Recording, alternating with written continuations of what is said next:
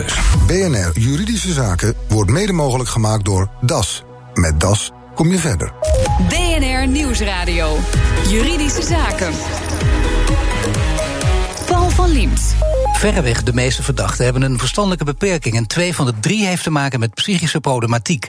Kan de politie daarmee omgaan en hoe houdt ze er rekening mee bij verhoren? Dat onderzocht politieman Koen Gijzen en deze week promoveert hij daarop. Welkom.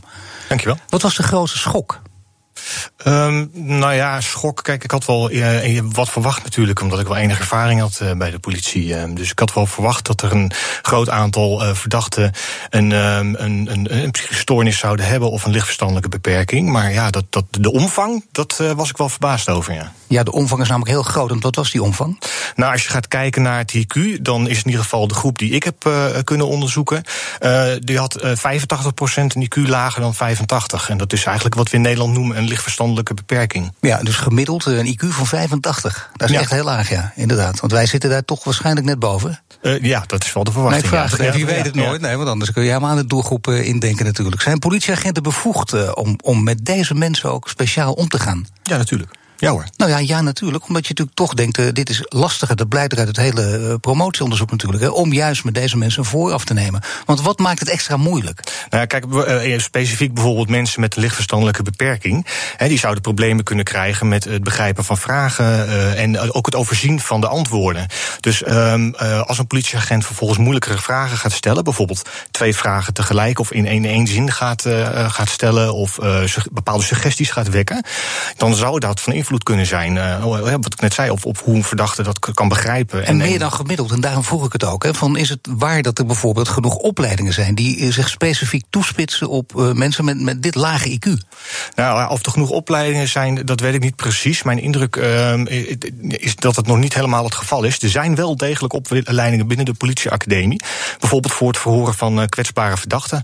En daar zijn tot nu toe, ik meen, 200 mensen voor opgeleid. Maar dat heb ik zelf ook uit de krant moeten, moeten lezen. Weet ik niet, dat weet ik niet precies hoe dat zit. Ik heb dat niet onderzocht. Maar fijn dat je promotieonderzoek doet, maar dat, dat ging over andere dingen dan precies, dit natuurlijk. Ja. Ja.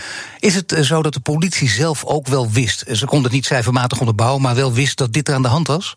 Uh, dat weet ik niet precies. Ik, uh, ik ben de eerste geweest in Nederland die dit onderzocht heeft. Dus in het buitenland hebben kwetsbare verdachten wel al aandacht gehad. Tenminste, verdachten die bij de politie in ieder geval uh, verbleven. Van, van de wetenschap. Maar in Nederland ben ik de eerste die dit onderzocht heeft. En wat heeft. is in het buitenland uitgekomen? Engeland, eigenlijk vergelijkbare resultaten met, met dat van mij. Ja, en wat is daarmee gedaan? Um, nou ja, dat heeft in ieder geval uh, aanleiding gegeven, ook uh, samen met bepaalde zaken waarin kwetsbare verdachten uh, niet op de goede manier werden verhoord en vervolgens onterecht werden veroordeeld. En dat heeft aanleiding gegeven voor meer onderzoek naar ver, verhoormethoden in Engeland. En dat heeft uiteindelijk ook geleid tot ja, een nieuwe soort methode van verhoor, eigenlijk. Investigative interviewing heet dat. En wat is dat? Echt heel vriendelijke, de vriendelijke man en vrouw? Nou, dat daar... niet per se, maar het is in ieder geval een hele neutrale en, en ethische, praktische manier van verhoren. In plaats van wat er nu gebeurt, veel onder druk zetten. Uh, in Nederland is in ieder geval een van de uitgangspunten dat er inderdaad druk moet worden gezet. Ja, maar is dat toch het idee wat we dan uit laten zeggen voor de, de gemiddelde luisteraar, misschien nu die dit hoort, die denkt, oh, dat zie ik op tv-series als Law and Order en daar gebeurt het ook, hè? Stevig ja. onder druk zetten, echt alles uit de kast, gewoon om het eruit te persen. Gewoon. Ja, dat zijn de Amerikaanse ook. methodes dat je nu uh, bedoelt. Ik heb niet de indruk dat dat in Nederland ook voorkomt. Nee, maar af, en toe, af en toe het bullenbakje uithangen, iemand onder druk zetten, dat moet je toch, uh, dat moet je, hoe doe je dat dan? Uh, dat hoeft niet. Je hoeft helemaal geen druk uit te voeren op een uh, nee, tijdens een verhoor. Hebben, in Engeland hebben ze dat investigative gedaan. Maar ja. in Nederland is het toch vaak onder druk zetten. Hoe, hoe doen we dat dan in Nederland? Of hoe doet de nou ja, vaak onder dat? druk zetten. Een van de uitgangspunten is uh, van, het, van het Nederlandse verhoor op dit moment... dat er druk moet worden opgebouwd. Dat, dat klopt. Maar dat gebeurt dus niet, in principe niet met, met, met dat, dat er flink wordt geschreeuwd of op de tafel maar geslagen... zoals dat in de tv-series gebeurt. Nou, ze proberen dan zeg maar de interne druk... dus ze bedoelen er denk ik de, de, de psychische druk mee. Wat er precies mee wordt bedoeld, weet ik niet precies want het is nooit duidelijk geworden eigenlijk. Nou, dat is wel maar ze proberen tijdens het verhoor bijvoorbeeld met confronteren van bewijs... en dat, dat opeenstapelen uh, van, van, van bewijs bijvoorbeeld. Dat is een van de voorbeelden. Dus u zat in die auto en die auto was groen en die auto stond hier. En dan zou doorgaan, doorgaan, doorgaan. Maar niet, het gaat niet verder dan dat. Nou, maar het is in ieder geval zeker niet het, zoals in de Amerikaanse tv-series... of en misschien ook wel de Nederlandse tv-series. Dat wordt toch wel wat overdreven. Nou is het wel belangrijk om te weten... wat is er uiteindelijk gebeurd met, met deze manier van, van onderzoeken... die nu in Nederland gebruikelijk is... heeft hij tot veel valse bekentenissen geleid. Zou je daar een, een soort schatting van kunnen maken? Nee, dat is onmogelijk om daar een schatting van te maken. Kijk, als iemand al in een vroeg stadium tijdens een opsporingsonderzoek een valse bekentenis doet en het wordt duidelijk, ja, dan wordt diegene ook niet vervolgd natuurlijk. Dus hoeveel er uiteindelijk mensen zijn veroordeeld uh, die een, uh, een, een, valse bekentenis hebben gedaan, hè, die dus onterecht zijn veroordeeld, dat, dat weet ik niet. Geen idee. De methode van alleen maar de druk opvoeren, die blijkt niet altijd zaligmakend, dus dat is duidelijk. wanneer, was, wat zijn goede voorbeelden daarvan? Van misschien bekende zaken waarin druk steeds werd opgevoerd en waar het niet meteen tot resultaat leidde? Ja, de, de, de Ina Post is een voorbeeld daarvan, hè, of de Schiedammer Parkmoord. Dat zijn twee voorbeelden in ieder geval. En in de Arnhemse filamoord lijkt dat ook te zijn gebeurd, als je tenminste de beelden bekijkt uh, in de media van die verhoren. En wanneer is er juist geen druk uitgeoefend? Dat je denkt, misschien had het wel wat meer gemogen? Oh, dat weet ik niet precies. Maar kijk, in het buitenland is daar wel een voorbeeld van. Andris Breivik, vlak nadat hij was aangehouden, hè, toen vertelde hij dat uh, cel 2 en 3 uh, direct zouden worden geactiveerd. Oftewel, het risico bestond. Toen dachten zij dat er nog veel meer slachtoffers zouden gaan vallen, omdat er misschien bommen nog ergens anders zouden afgaan. En de druk vanuit de media en ook vanuit de samenleving op de politie uh, ja, was toen van nou, druk zetten nu op, op meneer Breivik. Want we moeten zo snel mogelijk informatie hebben hè, over die cel 2 en 3. Op zichzelf niet zo gek natuurlijk, om dat ook te denken. Je wil het er snel uitpersen. Dat lijkt logisch. Ja, precies. Maar toch daar hebben ze ook al investigative interviewing ingevoerd een heel aantal jaar terug. En ik heb toevallig ook de teamleider gesproken die Anders Breivik met zijn team heeft verhoord. En die heeft heel stellig gezegd van nee, we blijven aan de ethische en de praktische eh, verhoormethode investigative interviewing vasthouden.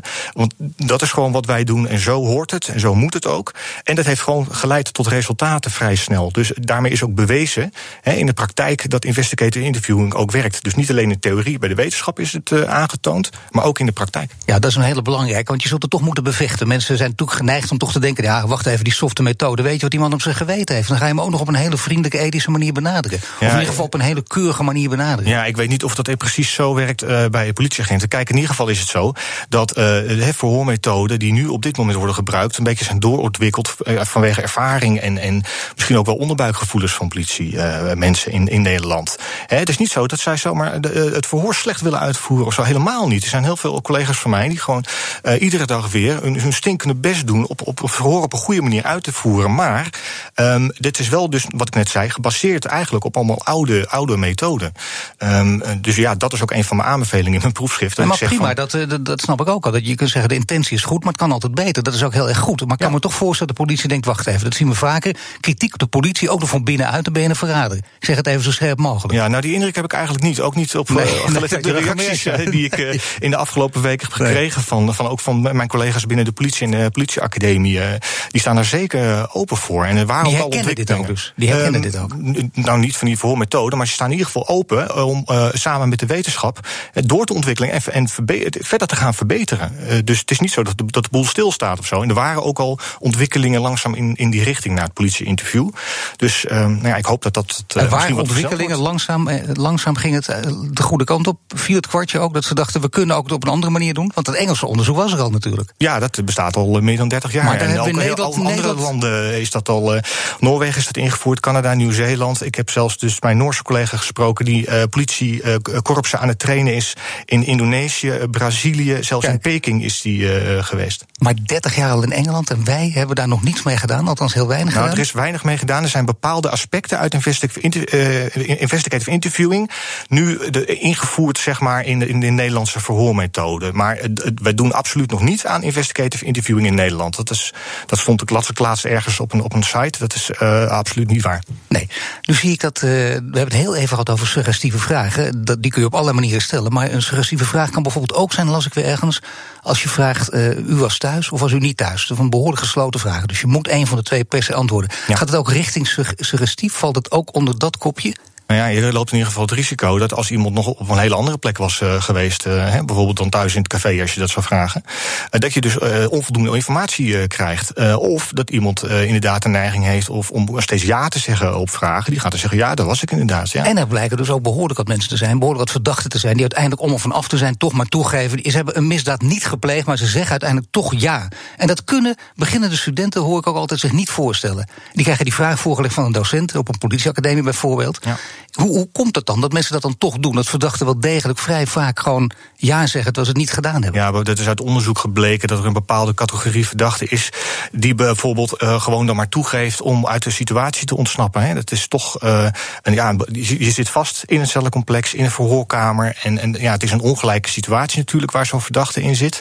Um, hè, als er dan ook nog eens flink druk op wordt gezet, ja, dan, uh, dan sommige verdachten die willen gewoon dan ja, zo snel mogelijk uit die situatie ontsnappen. Die willen gewoon van het gezeur af zijn. Die zeggen ja, ik heb gewoon die drie, driedubbele moord gepleegd. Precies.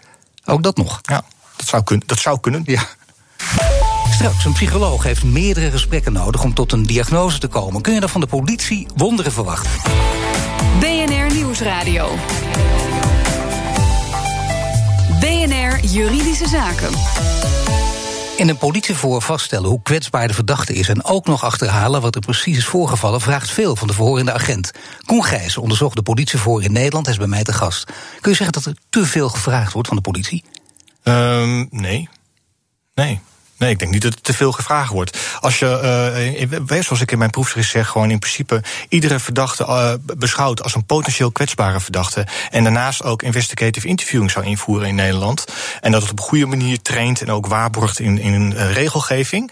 Dan, dan denk ik dat, dat de politie zeer goed in staat is om zeg maar, dat kwetsbare verdachte ook te verhoren. Even om de situatie voor ogen te zien. Hoe gaat het er eigenlijk nu aan toe? Is het altijd één op één of kan het ook twee, kunnen het ook twee politieagenten zijn die één verdachte verhoren? Ja, meestal in wat grotere zaken zeker uh, zijn er twee rechercheurs die een verdachte verhoren. En is er ook nog een team op de achtergrond aanwezig om hen te adviseren en uh, te sturen eventueel. En bij die twee tegen één is dan nog steeds de methode van de good cup en de bad cup? Is nee, dat wordt ook absoluut niet. Nee, dat is echt wat je alleen nog in de, in de films en in de series ziet. Uh, maar het werkt niet meer dan? Nee, nee, nee? Dat, is, nee, nee dat is echt geen, niet de praktijk meer in Nederland. Nee, ik heb dat nog, ook nog nooit meegemaakt.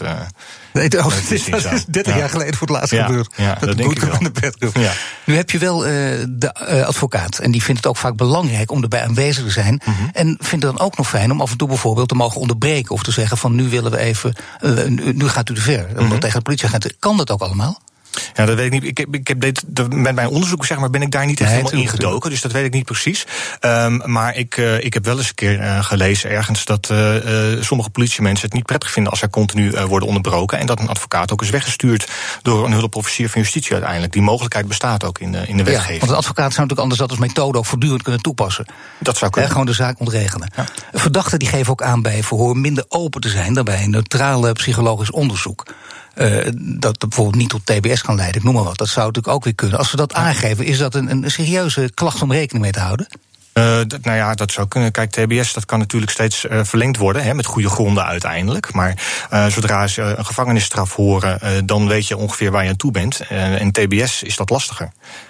Een van de, van de adviezen die u geeft is om iedere verdachte als een kwetsbare verdachte te behandelen. Dus echt als een kwetsbare verdachte. Ja. Ja. Waarom? Om, uh, vooral eigenlijk ook om de mindset uh, de, van de politieagenten uh, te veranderen. He, ze moeten zich bewust zijn dat zij gewoon heel vaak met kwetsbare verdachten te maken hebben. En dat je dat aan de buitenkant ja, bijna nooit ziet. He, of, of in ieder geval heel moeilijk ziet. Um, en en dat moet je, daar moet je je bewust van zijn, dat je met dat soort eh, mensen te maken hebt. En ook daar, als er dus uh, maatschappelijke druk komt om te zeggen niks uh, kwetsbaar. Want uh, weet je wat die verdachte, en straks heeft hij het echt gedaan, weet je wat hij allemaal echt heeft uitgevoerd. En die werd dan als, als een kwetsbare verdachte behandeld. Wat zeg je dan tegen de mensen die met die kritiek komen? Ja, ja u zegt het eigenlijk al, al goed net. ze zijn nog verdacht. Ze zijn nog niet veroordeeld. Pas als de rechter heeft gezegd dat het wettig en overtuigend bewezen is dat degene het gedaan heeft, dan heeft, heeft nee, hij nog het gedaan. Nee, tuurlijk, nee, maar het is dat, nog een voortraject. Nee, dat begrijp ik. Maar dat is natuurlijk, dat, dat weten we ook hier natuurlijk. Ja. En dat is ook logisch en dat is ook het technische verhaal. Ja. Maar uh, bij maatschappelijke druk speelt emotie natuurlijk ook vaak een grote rol. Dat hebben we in heel veel zaken gezien. Ja. En uh, als je dit nu naar buiten gaat roepen, je gaat in alle talkshows zitten, je gaat zeggen, je moet een verdachte als kwetsbare verdachte benaderen. Ja. En er komt heel veel kritiek op, heel mhm. veel maatschappelijke. Wat zou je dan de politie aanraden om te zeggen tegen die mensen die daar uh, kwaad over zijn? Ja, als je het niet doet, dan loop je dus het risico dat je uh, onbetrouwbare informatie uit verdachten krijgt of onvolledige informatie. Als de politie, en, en dat is natuurlijk zo tijdens een, een verdachte verhoor, ervoor gaat om uh, zoveel mogelijk informatie en zoveel mogelijk betrouwbare informatie van verdachten, maar trouwens ook voor getuigen en slachtoffers te krijgen tijdens een verhoor, um, dan moeten zij dat op, op een goede, adequate manier doen. Soms heeft het ook uh, met tijd te maken. Hè? Dat idee van dat investigative interview. Dus je gaat echt onderzoekend te werk. En je probeert het zo zakelijk mogelijk te doen. Dat kan ook tijd kosten. En dan heb je kans dat je tot goede resultaten komt. Mag ja. zo'n zo'n uh, zo'n interview, zo'n verhoor, uh, eindeloos duren? in, in theorie wel, ja. Ja, er hangt, dus, sterker nog, er hangt nog ook nog een voorbereiding aan vast. En ook nog een behoorlijke evaluatie ook, aan het einde. Dus daar gaat zeker wat tijd in zitten, ja. Dus ja. ik bedoel, dat kan, dat kan variëren van een kwartier. Je kunt soms snel klaar zijn. Maar het kan ook Zeker. twee uur duren. Het kan drie uur duren. Nog langer zelfs. Misschien nog wel langer. Hè, als je de verdachte ook nog wil confronteren met het bewijs later. Dat zou kunnen. Ja, dan kan het ook uitputtend zijn. Hè? Want als je dan toch zegt, je moet die verdachte als, als een kwetsbare verdachte zien... Ja, ja, dan ga je niet iemand drie uur uh, achter elkaar verhoren. Nou, dat zou ik niet adviseren, nee, nee, nee. nee. Daar moet je rekening mee houden. Dus dan moet je dan pauzes uh, inbouwen bijvoorbeeld. Maar het mag wel, er is ook tijd en ruimte voor. Dat zou ik als agent zelf ook als politieman ook willen weten.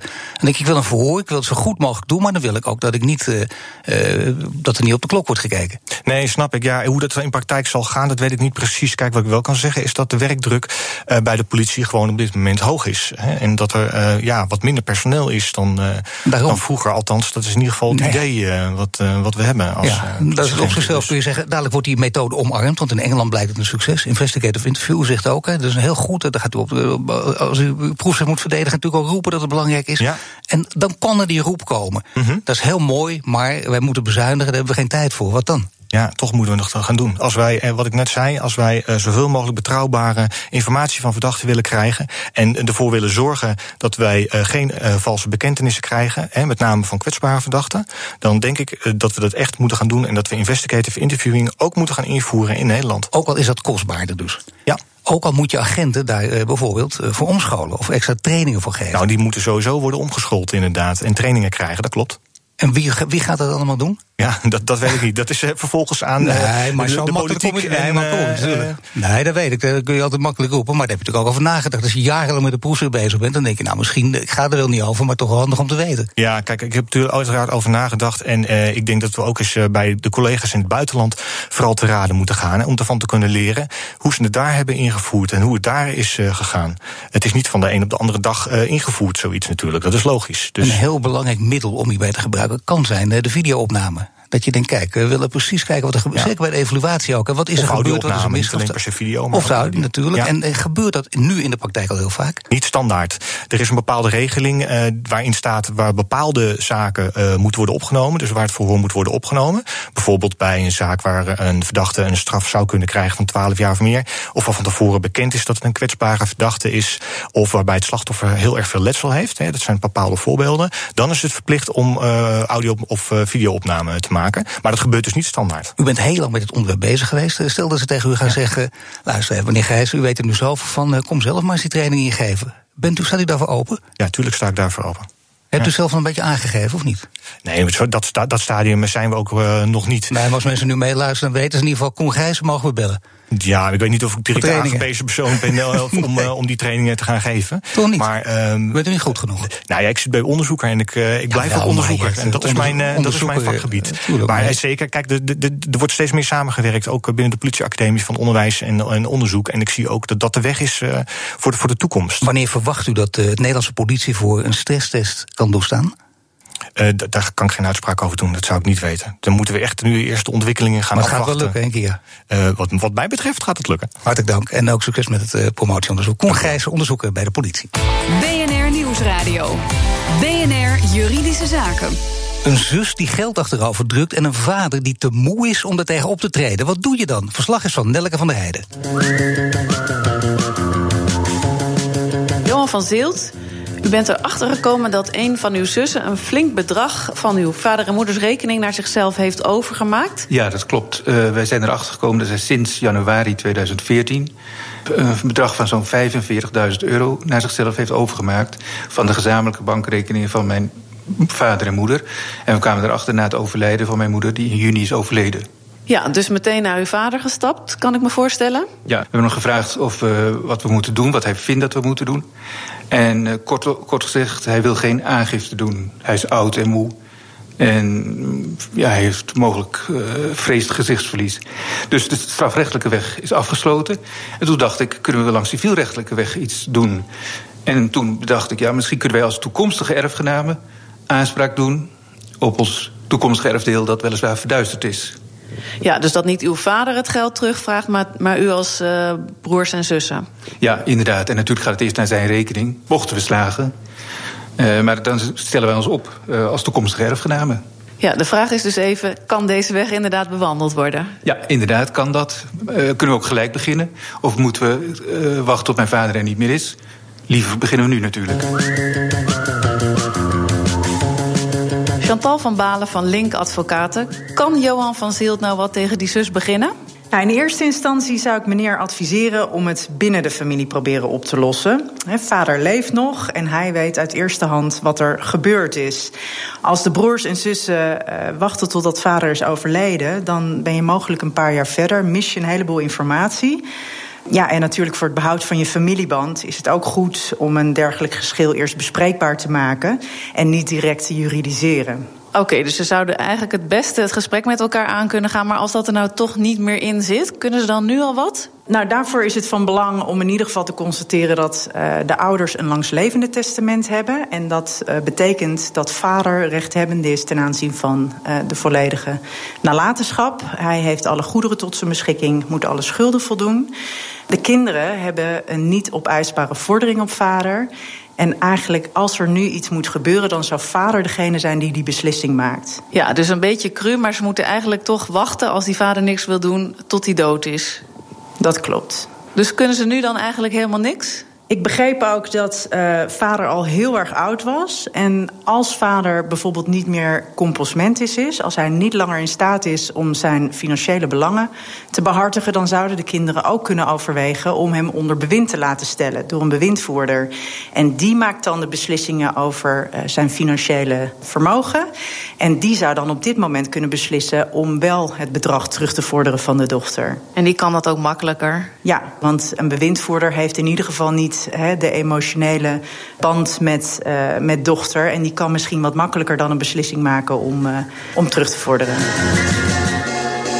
Een bewindvoerder adviseert erf- en familierechtadvocaat Chantal van Balen... in een verslag van Nelke van der Heijden. Heeft u ook een juridische vraag? Mail naar juridischezaken.bnr.nl. Dit was de uitzending voor vandaag. U kunt de show terugluisteren via de site, via de app, iTunes of Spotify. Mijn naam is Paul van Liemt. Tot de volgende zitting.